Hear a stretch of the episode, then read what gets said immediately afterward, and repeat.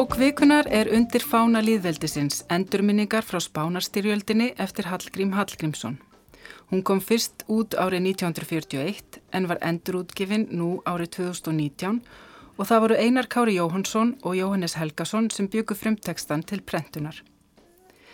Í bókinni segir Hallgrími frá því hvernig hann barðist með alþjóðasveitum líðveldi sinna í spænsku borgarstyrjöldinni sem stóð frá 1936 til 1939.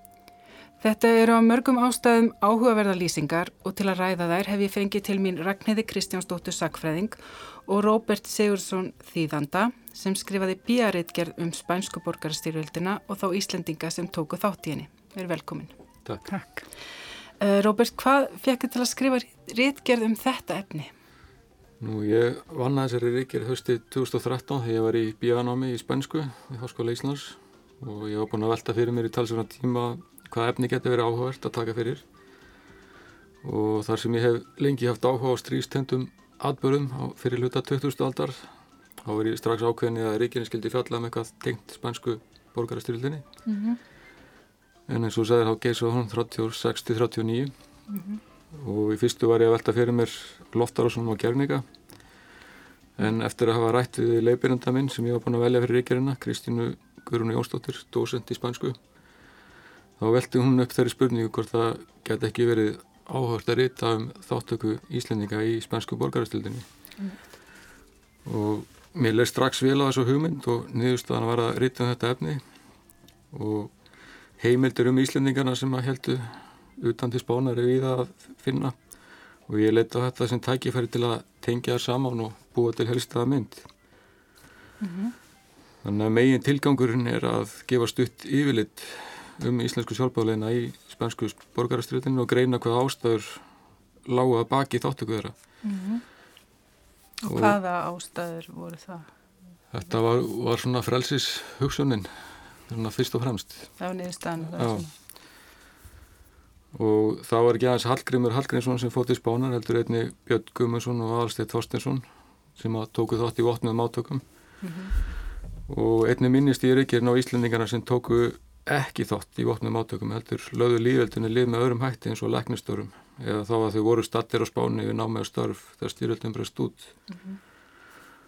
og það er kannski áhugast að minna, minnast á að Kristín Guðrún Jónsdóttir sem ég nefndi hérna á hann og Erla Erlendsdóttir sem að kenna í spænskunni í HÍ. Mm -hmm. Það er vinna nú að bók sem á að innihalda greinasatt um margvíslega samskipti í Íslands og Spánar í kemnu tíðina og samantækt úr reykjerinni minni mun byrtast þar en hún hefur ringað til aðeins verið aðgengilega á spænsku. Já, þannig að nú er hægt að, nálga stefnið á íslensku. Já, það stefnir í það. Einmitt. Getur þú svona aðeins uh, rifjaða upp fyrir okkur álum heldur lengra uh, svona út á hvað þetta stríð gekk?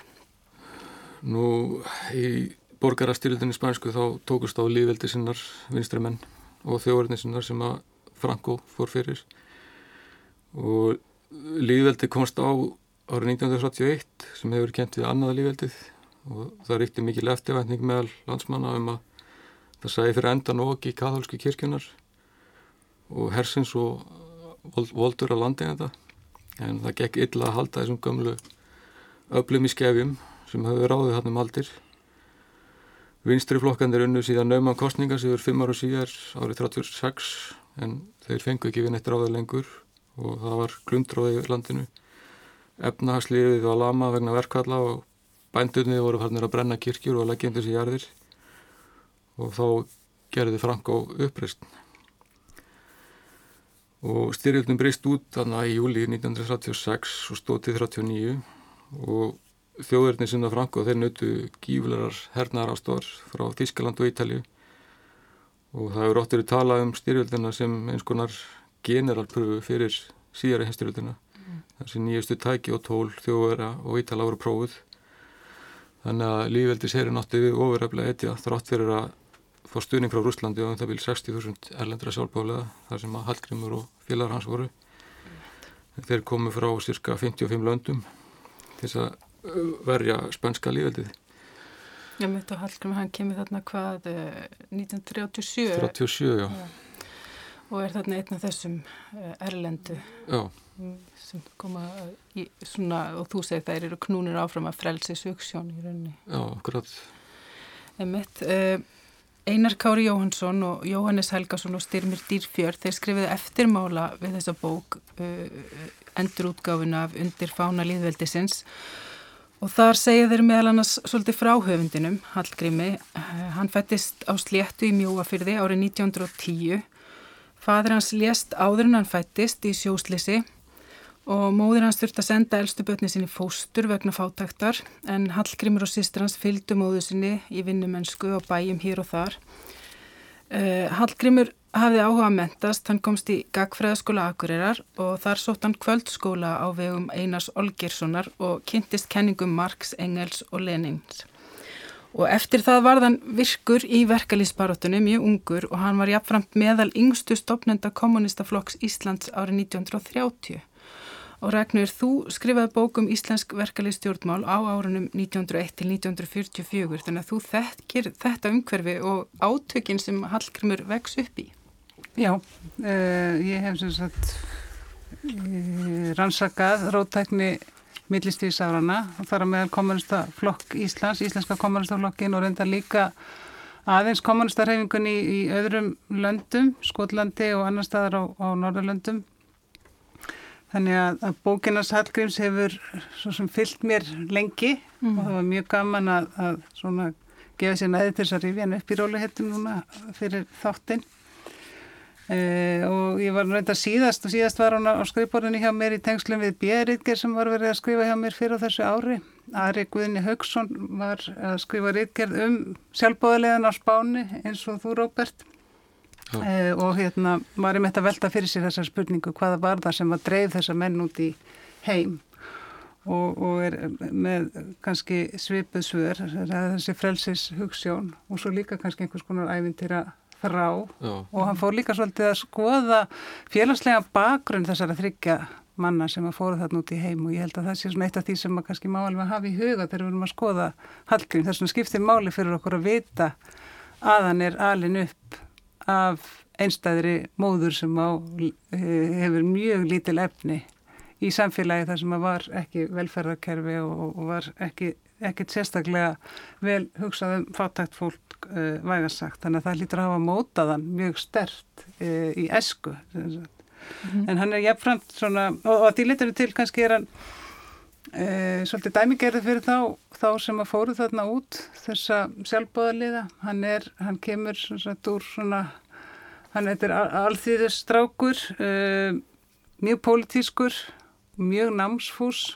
og uh, greinilega uh, átti erfitt, auðvelt með að læra, maður sér það alveg á, á, á því sem hann tekur sér fyrir hendur og líka bara hvernig hann skrifar þennan texta, þetta er mm. svona bó, bókneður, ungur maður sem að, hann Hallgrímur hefur verið það greinilega og hann fer auðvitað, hann, hann er með heilmikla mentun að baki þegar hann kemur uh, til spánar og mhm. mentum sem að nýtist honum beint í, í, í þessu umhverju. Hann var þarna tvo vetur í, í skóla í Moskvu á vegum Komintern. Einmitt, það kemur einmitt fram líka þarna í eftirmálunum. Hann fer þarna með fleirum til uh, Moskvu og það kvílir svolítið leint yfir því öllu saman. Uh, svona hvað hann í raun og veru er að læra þar. Já, það var ekki ætlast til þess að hann segði frá því og, satt, og raunda var ekki eins og ætlast til þess að hann segði frá því að hann væri í skóla. Mm -hmm. Þannig að mm, ég held að það sé grein sem að móður hann skrifar í þjóðviljan. Þegar, í, þegar Hallgrimur er úti þá talar hann um að hann hafi verið í, sagt, þá hefði Morgonblæði sagt að hann hefði farið til Moskvu til þess að læra einhvers konar herrstjórnalist og, mm. og einhvers konar uh, undir, uh, undir róðursfræði en hún, hún segir að það sé ekki rétt og, og, og það sem að hann og eins og aðri sem fóru þarna út átt að gera voru að segjast vera bara út í Moskva að vinni í versmiði Já.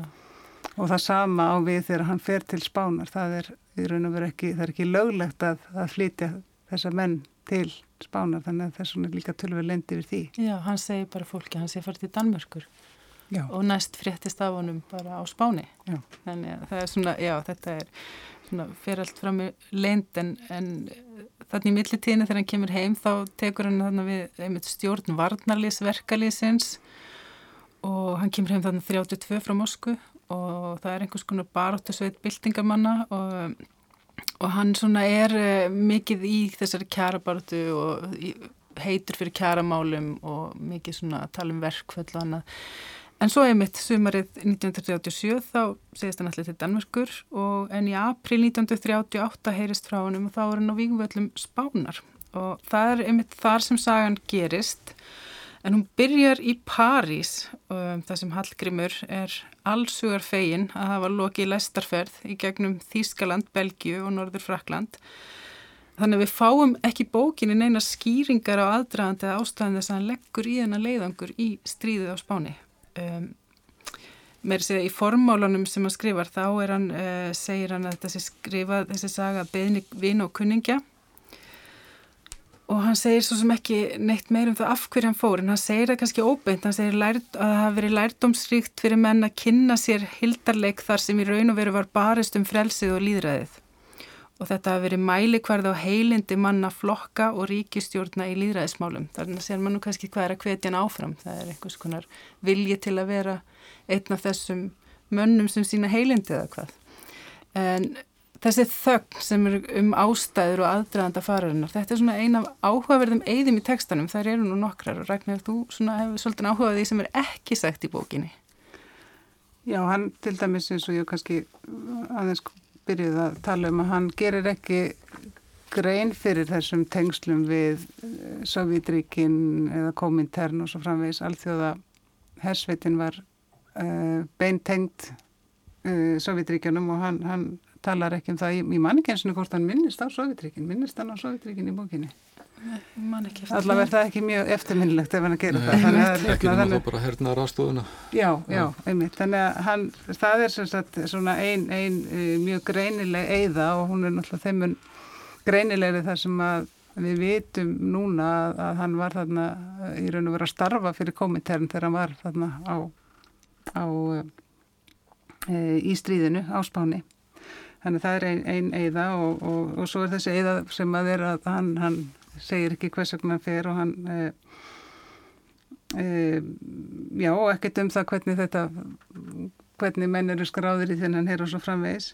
Nei, hvernig þetta er skipulagt með að komast ánga Nei, og í raun og vera heldur ekki almenlega hvaða hlutverki hann, hann gegnir þarna, hann, við fáum að vita hann í einhverja þjálfun og síðan er hann svona svolítið að flakka á milli stað og hann er einhvers konar tengiliður en það er svona allt frekar óljóst, hann segir það ekkert mjög greinilega. Mm -hmm. og svo stóra eiðan er náttúrulega þessi að hann heikar greinlega mjög við að tala um hvort hann hafi orðið mönnum að bana eða ekki í, e, í stríðinu sjálfu og fyrir það, því geta, geta náttúrulega verið alls konar ástæður. Og það kemur eiginlega ekki fram e, í bókinni?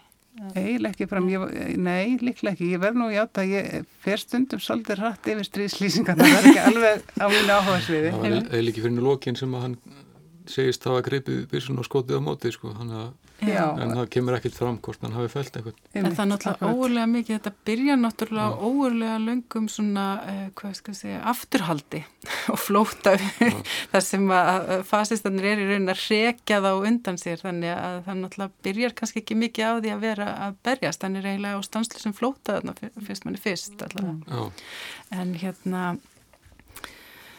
En já, svo er kannski einmitt þetta með að uh, stöðu hans þarna hvort hann er í einhvers konar yfirmannstöðu ekki og svo framvegist. Þetta er kannski eh, ekki svo ljóst eh, svona nákvæmlega hver hans staða er þarna heldur. Ja. Nei, það hefur komið fram í, í rannsóknum það er til uh, danskur sakfræðingar sem heitir Sven Rýbner sem hefur rannsakað spænsku borgarstilitina í þaula og ég var með honum í, í uh, norrænu rannsóknarverkarni og, og í tengstum við það þá sagðan mér frá því og nú er það komið á prent að hann hafi fundið, Sven Rýpner fann eh, heimildir í skjálasafni komiterin í, í Moskvu sem að sínir að, að eh, Hallgrimur var í einhvers konar eftirlitslutverki þarna, hann tók niður upplýsingar um uh, félaga sína sem að kannski heldur sér ekki alveg við agan eins og hann var mm. skilgrendur og við sjáum það reyndar viða í textanum. Hún er illa við menn sem að drekka of mikið áfengi. Hann, hann, hann nefnir menn sem eru svona skuggarleir og, og líklegir til þess að vera svikarar. Mitt, varst þú, Róbert, þú varst nú með eitthvað dæmu textanum eða ekki það sem hann var að tala um uh, svona hvernig, hvernig flokka menn, hvernig þeir eru. Já, það var svona undir lókin þar sem að hann svona skipti mönnum nýri í þrjá flokka. Já, myndur þú lesa kannski aðeins upp? Og þetta svona snýrist aðalega sem að flokkaðu eftir andli og síðferðilegu ásíkumulegi.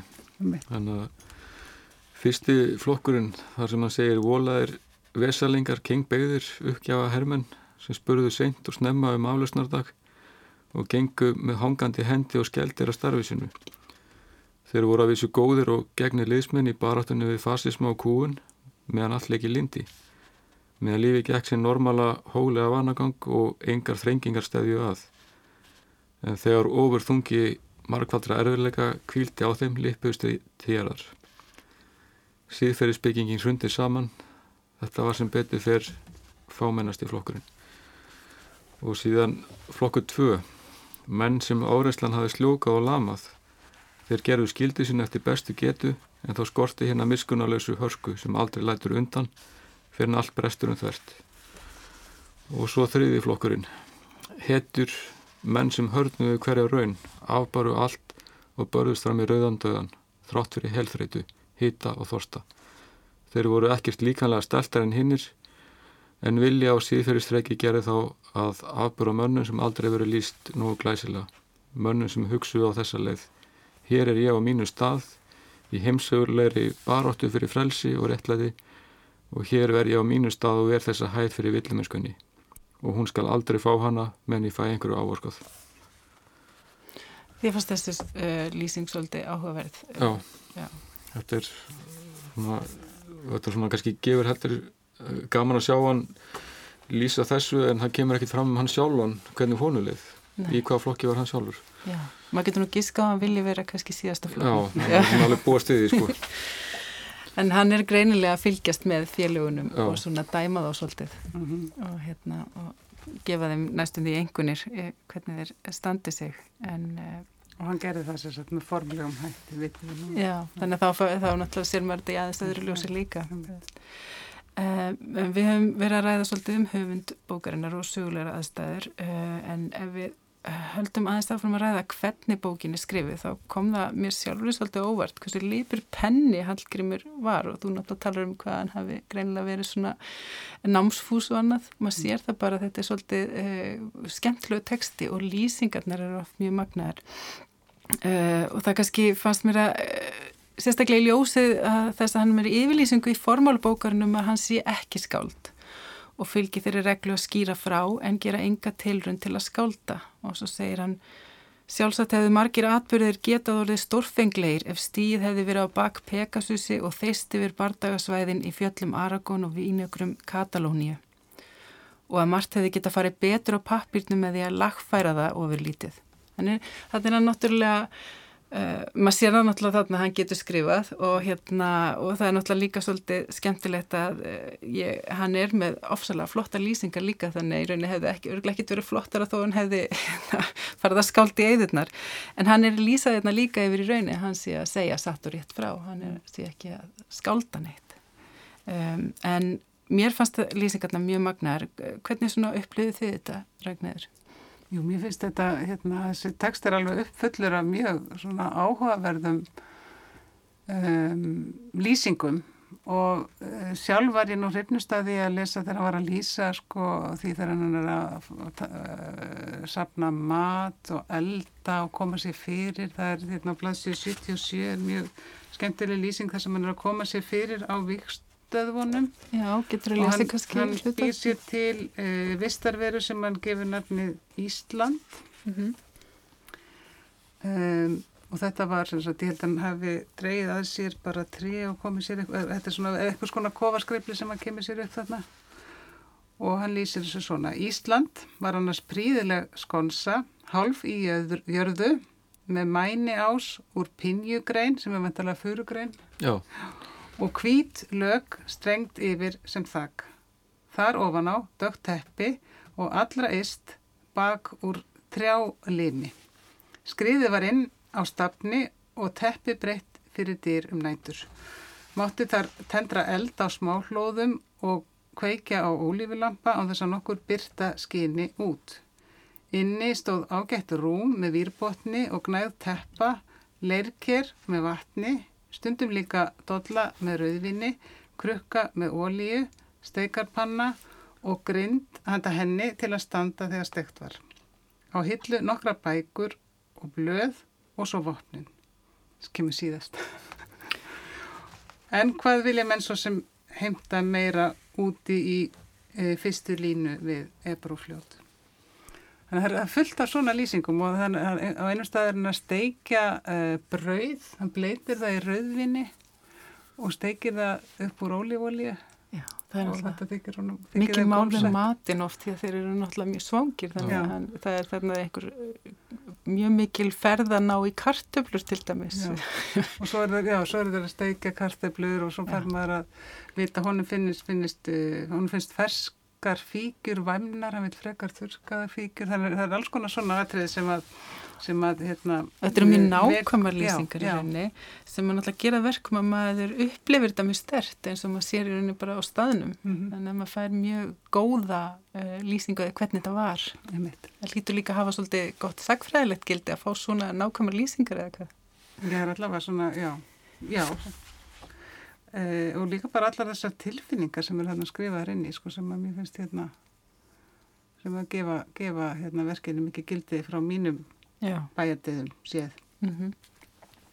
og hann lýsi líka spáni svolítið vel, landslæinu bæjum, íbúum og svo hitanum og þurkinum líka hvað er, getur verið ofbúslega kallt, þannig að þetta getur verið mjög svona, og svo er þetta mjög hræðilega lýsingar líka, það er til dæmis þarna með sprengjur. Hann er svona að reyna, það er svolítið áhugavert, það er svona svolítið eins og hann sé að koma því til skila til Íslandinga sem þekkit ekki sjálfur hvernig það er nákvæmlega að vera í fremstu výlinu í stríði þegar það er sprengjur. Um, þú, uh, Róbert, þú varst með einhverja lýsingu, það, það er líka var það ekki sem að þú svona varst búin að... Já, þetta er svona kannski áhugavert bara svona talar um þetta hvað flýjur í gegnum hugan þegar þeir liggja í, í gröfunum eins og hann lýsur þessi hér sko að það heyrist veikur súur í lofti maður kannast við hljóðið. Á næstu sekundu er hann orðin að sterkum kvinn tótnin hækkar og hækkar með ógnar hraða og verður að feikna sterku ílurandi kvæsi sem stefnir að því skinninu segir þráð bent ofan á höfum hans. Á þessu augnabliki sem er ekki náttúrulega brotur sekundu er maður handvis um að þetta um að eitt í þessum heimi að það, það að sprengin hæfum að þrá beint í nakkan Já, þetta er sko, hérna, þetta er eins og með skaldskapin, hann, en samt lýsir því annar staðar að hann, eða þeir annar staðar að hann, það sé ekkit hægt að lýsa þessu og hann ætla ekki að reyna það, en svo gerir hann það rásalega vel. Hann segir hérna, ég hef aldrei hvorki ræðinni riti fyrir heitt neina lýsing á sálarlifi mann sem liggur undir sprengjukast úr, úr loftinu. Þannig að nokkur lifandi mynd fái, uh, fáist af því lífi. Mér grunar að fáum öðrum en afbörðamönnum myndi takast að draga upp slíka mynd. Og þó alls ekki nema stuðsí við eigin reynslu. Og ég ætla, reyna, ég ætla mér ekki að reyna það, segir hann. En hann í raun og veru gerir þetta. Já, hann gerir það mjög mikið í raunni því að það er mjög miklar bardalýsing, hann er alltaf mjög lengi þarna einhvern veginn á, í miðjum bardugum. Og hérna þannig að maður fær alveg eh, mjög mikið af lýsingum rauninni. Já, bara og þessi ág, að þið veit ekkert sko hvaðan, hérna það er bæði kúlnar, er, það sprengir regna ofan og kúlnar, kúlnar regna í jörðinni Já, og að, mér finnst það ná að lýsa þessu þannig að maður verður svolítið mikið skelkaður. Já, hvað segir þú Róbert, var það þessar barndanlýsingar sem hefði mestu á, áhrifun á þig? Já, í rauninni. Þetta er svona eiginlega ómetalleg heimild, ef maður getur satt svo. Mm -hmm og það er svona, ég sko það sem hafði, eitt af því sem hafði svona mestu áhrifinu á mig voru að það hérna var kannski þessi lýsingar ekki bara á barndum heldur líka þessi flóta og ósegri og hræðilega óskipulega eistundum og klúðri. Uh, hann er náttúrulega í rauninu fyrstu kynast af vikstöðunum kannski svona bara langt undanhald undan árásum og mér fannst það hræðilega áhrif mikið þegar hann hittir félagasinn eftir alla þær rakvarir já, þeir eru allir orðinni demoralíseraðir eins og hann orðar það. Og hérna langaði svona aðeins að lesa það hann hittir hennan mann og hann segir Erik, þetta er á plassi 64 mm. hann segir, Erik var kunningi minn af undirfóringjaskólanum. Ég hitt hann á aðalsetrinu eftir nokkura daga dvöl. Hann var einn af hennum hæglátur hreinlegu reglusumu þjóðverum. Nú var hann úvinn og skeggjaður hyrðileysislegur og niðurdregin Hvað er að þér, spurði ég. Er þú líka orðin vonlaus og demoralíseraður? Já, saðan blátt áfram eins og ekkert væri eðlilegra. Svo bætt hann við eins og til að skýra málsitt. Þú þekktir Fritz, var það ekki? Þið komið saman frá París? Jú, hann er fallin. Fritz fallin? Já, við Batea. Það var nokkuð þögg. Þú veist um stóru hollendingin, Timmermann, held hann þínast áfram. Er hann líka fallin? Já, á undanhaldinu. Hann viltist í klærnar og fasistum. En hvernig við Jack, spurði ég. Fallin fyrir okkar kúlum, svaraði Erik lítið eitt hás. Hvernig þá? Það var við Batea daginn áður en aðal undanhaldið hófst. Hann fór við þriðja mann, allt liðsfóringjar í sendiflokkstarf inn á fasistaland um nóttina. Ég var við þunga vélbissu með mína félaga og við pössuðum okkar sneið, vissum ekkert um sendiflokkin. Um morgunin sá við þrjá menn koma frá óvinnalandi. Við létum þá koma nær og settum bissuna á þá. Rattatatatat, til fjallu allir. Rétt og eftir var okkur sagt frá sendifloknum. Menn fóruð ángað út, djakk aðeins með lífsmarki. Þetta fannst mér svolítið magna, þetta lýsi svo vel hvernig þessu upplausnar ástandi sem mann fyrst ríkja þarna næstu bara helmingina tímanum eða meira, það er hérna svona hálgjört óskipulagsleysi og, og hérna já, eitthvað svona tilgangslausar árásir og, og, og stendur fyrir upplýðið þegar þetta líka. Já, svo kannski ekki hjálpa til að þannig eru menn allstaðar að sem að tala ekki í tungumálið þannig að það hefur kannski hjálpað til svona við að, hvað það var erfitt að hafa heimil á hlutunum.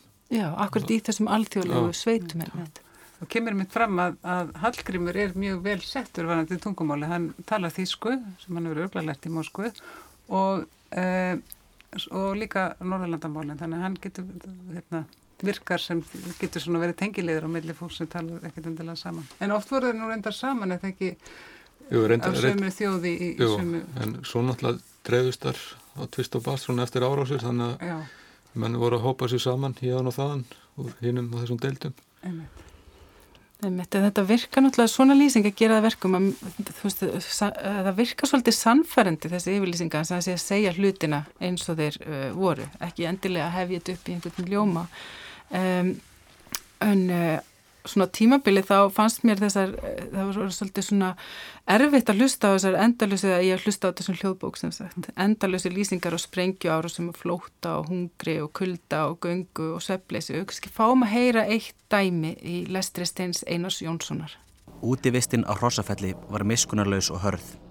Svepptímanir voru ekki íkja margir. Allan daginn slekti hinn spænska sömarsól allt dögt og levandi Oft var engin vastrópi til í allir línunni. Matur kom aðeins þegar myrkriði grúfiði yfir. Var að vísu góður eftir aðveikum því matstjórin Gerhard var óþreytandi framtags og dugnaðarmadur en skamturinn var jafnan skorinn. Engin liðsauki fyllt í skörðin, engin maður fekk að yfirgefa stöðvar sínar, menn urðu að liggja í opnum gröfunum dag og nótt með fasista hnjúkin knæfandi yfir sér. Mínu jél sérkverðn dag, fallbessu sprengjur kvínandi í loftinu, kúluna blástur við eirun ef einhver gegðist upp yfir brjóstvörðina og hvaða stund sem var á nóttu eða degi gáttu árásir og gagnárásir hafist fyrirvara löst með því að allar eldgáttir hinn að þryggja hæða opnuðust eins og stutt var í á hnapp spúandi blíi og stáli út yfir anstæðingana Egi gæti hjá því farið að þetta líf setti marksveit á félagana. Allir voru úrvinda af þreitu undatekningar löst voru taugarnar í ólægi af langvarandi ofrensli Hér heyrðum við lesið upp úr bókvikunar undir fána líðveldisins eftir Hallgrím Hallgrímsson. Hjá mér eru Ragnhildur Kristjánsdóttir og Róbert Sigurðarsson. Uh, Hallgrímur lýsir líka áhrifum uh, stríðs á sálarlífið. Það fyrst mér líka svolítið áhugavert. Uh, hann talar um að enginn hermaði sér sér lengi í stríði komist óskataður frá því. Hann talar um að það eidileggi munum taugarnar Þetta eru líka mjög svona áhrifamækla lýsingar, hérna, hvað finnst ykkur um þetta? Þetta er mjög sterkur þráður í bókinni og vendanlega uh, svona þráður sem að uh, hann, hann er ekkert að spinna sjálfur hann í fyrsta skipti, þetta er þetta, það var mikið talað um, um sprengjulost og stríðsþreitu, ég held að þessi bæði þessu orð komi fyrir hjá honum mm. eftir fyrir heimstyrjöldina, þannig að hann vendanlega þekkir þá umræðu Já. og hann er ekki að kvarta undan þessu sjálfur þó að, að lýsingunum að því sem hann hefur upplifað þá hlýtur hann að hafa þjáðst af þessu Já. það bæði það nút og eftir hann kom heim en hann kemur því mjög stert til skila að, að þetta er uh, gríðalegt álag á, á tögarnar. Já, og næstu því óhjókamilegt eins og maður upplifaði að fólki lengi stríði Já. og það hafi áhrif. En það er einmitt að merkja þetta að hann uh, talar ekki beint um það hvað áhrif þetta hefur á hann sjálfan. Nei, það, hann talar ekki mikið um það bara yfir höfu hvernig svona hún líður. nei, það kemur eða ekkert fram í bókinni. Já. En hann hlýtur náttúrulega að hafa upplifað að nákvæmlega sama og allir hinnir, þannig að en hún törst samt að koma þessu þannig frá sér að lesandi verður ekkert. Einmitt, og það maður þarf næstu því að giska á það hvort hann hafi upplifað þetta eða ekki. En uh, svona eins og hann lýsi sjálfu sér þá um, er svona eins og hann sé nú yfirleitt svona frekar uh, haldi rósinni. Hann lýsi sér stundu þannig að það er kannski upplausn í gangi, allir liggja um og allir eru rótni vonlausir og þá kemur hann og segir hvað hérna, hva er yfirmaðurinn og er enginn að gera neitt. og þá það er kannski svona stundum með mér að hugsa hvort það hefði nú alveg verið alltaf þannig. Já, það er spurning hvort að þjálfunum sem að fekk í Sovjetaríkjunum hafi spilað eitthvað inn í. Þannig að hann var vanari heldur en aðrir. Já, og svona undirbúnar einhvern veginn andlega, já. andlega kannski.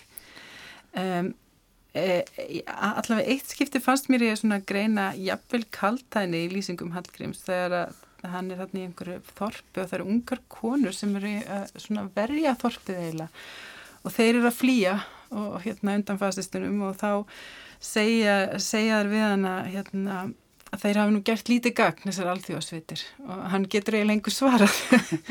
Þá ser maður svona það er kannski svona, kemur smá svona hérna kaldæni þannig inn að þeir eru þannig búin að vera eiginlega bara flóta síðan þeir komið þegar það, þannig komið sögu. En, en hins vegar er nokkuð ljóst að hann sýnir sjálf sig jákvæði ljósi. Og ég minni í lokin þá er líka hann er að lýsa því hvernig alþjóðsveitarnar eru svona hildar sem hetjur. Ég minni er hann ekki svolítið að mála sig upp sem hetju Jú, ég menn hann er ekki, þetta er hérna, jú, jú, hann gerir það og, og, og, og hann, hann kýs að, að stíga mjög lítið inn með sínar eigin tilfinningar. Um, og en það er svona, maður átt að sig ekki alveg á því hvernig maður á að, hvort að maður á að fara í að reyna persónugreinar þennan mann eða ekki, sko, Nei. það verður svona að fara varlega í það, það, það er eitthvað svona uh, hvort hann hafi í raun og verið, verið, verið harkalegri og harðari heldur en margir aðrir, ekki eins viðkvæmur það er og það þarf ekki endilega að vera kostur, það getur þvert á móti verið ókostur ef maður lýsir manneski þannig, ég veit það ekki Nei, svolítið það- erfitt að Já, það er það náttúrulega alltaf þjórt með, með bók sem er um alvöru fólk. Það er ekki eins og með skáldsagna personur. Þú getur ekki að geta þér ómikið til um hvað Nei, sé í gangi. ég myndi svona vilja hika við það, en, en hann allavega kann að, að lýsa á mjög nærgætin hátt tilfinningum Já, sem, hérna, og, og sem penni. Og, og, en það þýðir ekkit endilega að hann hafi sjálfur upplifað þessar tilfinningar, við vitum það, það er náttúrulega, maður ekki að ruggla saman uh, því sem höfundur skrifar og höfundinum sjálfum endilega Nei. og hann er, hann er svolítið, hann er fjarlægur í textanum, þannig séð, er ekki? jú, nokkur sammála því.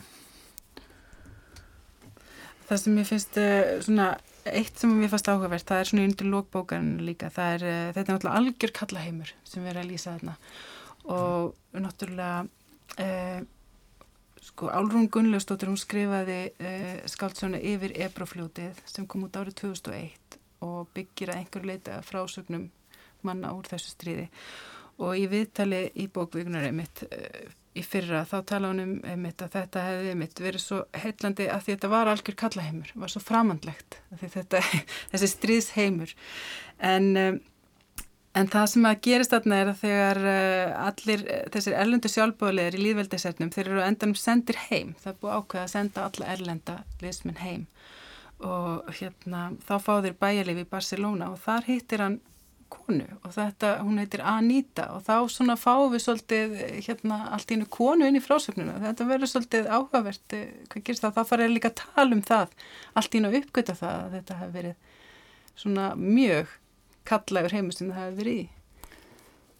Já, og, ég veist Anita frásögnin mörguleiti mjög áhugaverða því að hún byrjar á því að þeir eru komnir hérna og það eru stelpur þeir eru að tala um hvort þeir ætti að fara í bæin og, og reyna að hitta stelpur eða konur eða og svona aðeins að reyna að lifta sér upp eftir allt þetta erfið og allar þessar hörmungar.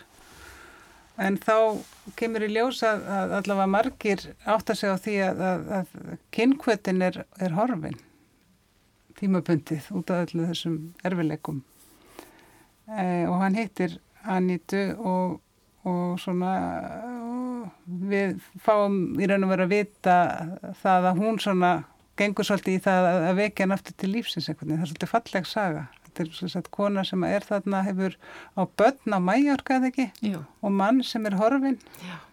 Mér fannst að maður fá svona pínu, það er svolítið, hann er eins og notir hana til að kynna lesendum fyrir hlutskipti kvenna í stríðinu. Þetta með að sjá eftir eigi manni og vera, þú veist, ekki með börnunum og þurfa einhvern veginn að sjá um sig alein. Mm -hmm. Það er svolítið áhugavert. Já. Og, og hann skuli skrifa þetta á svona, já, þetta er ekkit hispusleis frásög svo sem okkar tíma mælikvara, en ég minna hann segir alltaf frá því að, að þau eigi þarna einhvers, einhvers konar ástar fundi. Já. Já og það er svolítið áhugavert. það er það áhugavert og hann einmitt og það er svolítið, mér fannst það mjög áhugavert þegar hann segir sko fyrst þegar hann hittir hana þá er hann nú svona bara á valdi kvatana og, og hérna langar að hérna, vera með kvennmanni en svo kynnist hann henni og þá hérna myndar hann svona tengingu við hann sem personu þetta ve- virkar mjög einlegt í rauninni uh, hérna en þessi, þessi hérna þessi ákverðunum að taka alla ellendur sjálfbúðaliðana burtu, hérna, þetta var bara eitthvað sem að í rauninni spánar eh, stjórn ákvað. Já, það var sérst lífveldistjórnin sem að ákvaða að eh, senda á sérst, frá Spáni þeir tekja ekki lengur þátt í stríðinu og það var eh, eiginlega aðláta því að það átti svona frið að breyta og frakka og það var svona já, megin pælingin á bakviða Mm. Einmitt. Svona uh, undirlókin hjá okkur þá hérna hefur náttúrulega verið uh, spurning hversu mikil áhrif þetta stríð hafði í raun sem eftirgerð svona myndist á það áðan að þetta hefur verið talað um þetta sem einhvers konar undanfara eða æfingu jafnvel fyrir uh, sem gerði sen í setni heimstyrildinni. Já, Þannig að þetta er náttúrulega, er hægt að segja eitthvað um það svona, þannig sé hver áhrif þessa stríðs hafi verið. Sumir hafi talað um að þetta hafi svona umfjöllun um þetta stríð hafi farið svo í skuggan af ef við hórum bara á Spán þá náttúrulega voru eins og ég sagði á hann átökumilli gömlu valdastéttarinnar og frálslæðis en við förum út fyrir Spán og hórum á Ítali og Þískaland og vildi Mussolini stjórna miðjarahafin eins og Rómverars til forna og hann var því fljótur að veita Franko hernaðarástóð þegar stríði skall á og sömulegis Hitler. En hann náttúrulega og þjóður höfðu hagnað því að stríði myndi dragast á langin og það dró aðteglina frá því þess, það sem þeir voru að gera í Európu og einnig þetta hernaðlega mikilvægt fyrir þá að eiga bandamenn sem stjórnaði yngöngulegin í miðjarhafi sem var Gíbraltarsund. Og svo maður kannski bæta við að spánjurar voru svona vissan hátt litnir hortnu á Európu vegna vinstri stjórnarinnar. Þannig að voru hæri stjórnir ríkjandi þannig í vestur-Európu og það er kannski gott að með það að stjórn Franko að viðkenda breytum og frökkum áður en að styrjöldinu lög sem er svolítið áhugavert. Einmitt. Svo hefur náttúrulega líka verið uh, bara mikil menningarlega áhrif í rauninni uh, í sambandi við þetta stríð. Allavega hefur hafa margir listamenn sótt efni við í þetta stríð. Já, þannig að þetta fræga málverk Gernika eftir Picasso sem var málað þarna eftir loftarósir á bæinn Gernika það var 1937 mitt og svo er það til dæmis Hemingway sem skrifaði hverjum klukkan glimur þannig að þetta er svona, þetta stríð hefur nú lifað svolítið stert kannski í listum og bókmyndum já. George Orwell, við mögum ekki gleyma honum þarna, óður til Katalóni Pablo Neruda frá Chile, hann var hann líka. Já, og Hallgrimur er í þessum hópi? Já, heimitt og, Þannig að það voru mjög margir rítfærir menn þarna á Spáni. já, og Hallgrimur þær á meðal. Já. það náttúrulega er svolítið uh, svona ómetanlegt kannski fyrir okkur að eiga þessa heimild einmitt að hafa frásög frá Íslendingi sem var þarna og segir svona frá sínu sjónurhaldni uh, að eiga þetta því að Já, við erum ekki svo- með heimildi frá hinum sem voru þar eitthvað. Nei, þetta er eiginlega ómetalegt já og, og, sem að lifður enda lengur, ég veit ekki hvort að má, hérna vorum við búin að tala um að hann deyr síðan. Nei, og ég var að segja hlustendum það, þá já, sorgar sko sögur. segja það, já Manstu hvernig það var?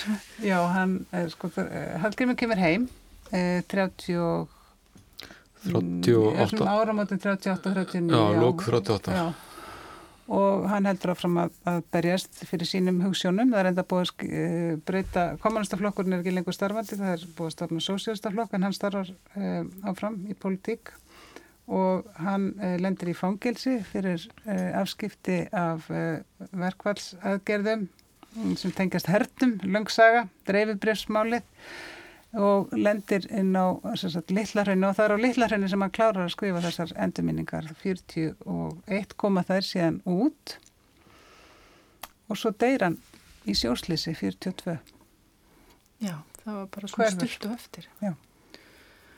Það er náttúrulega ótrúlegt eftir að hafa verið þarna á vikstöðunum Slappið alltaf. Já og oft sko við ítlan leik því að það er þarna líka senu sem við svo sem ekki talað um áður en það er þarna alveg mögnu sena þar sem hann til dæmis e, e, lendir í e, þykist vera dáin og það er þarna márar sem koma spila á honum öllum hérna, orðabókum og lindispenna og allt það er eina af þessum lýsingum sem er svo nákvæm. Já og það sem að liggur og þykist vera döður og það er náttúrulega eins og bara magnaðasta spennusaga að lesa þetta Mér finnst þetta svo frásögn eiginlega eina sem er svolítið ólíkindaleg. Þetta er veltónum við án þess að átt að segja á því hans er lifandi. Þeir eru svo uppteknum við að stila allir af honum.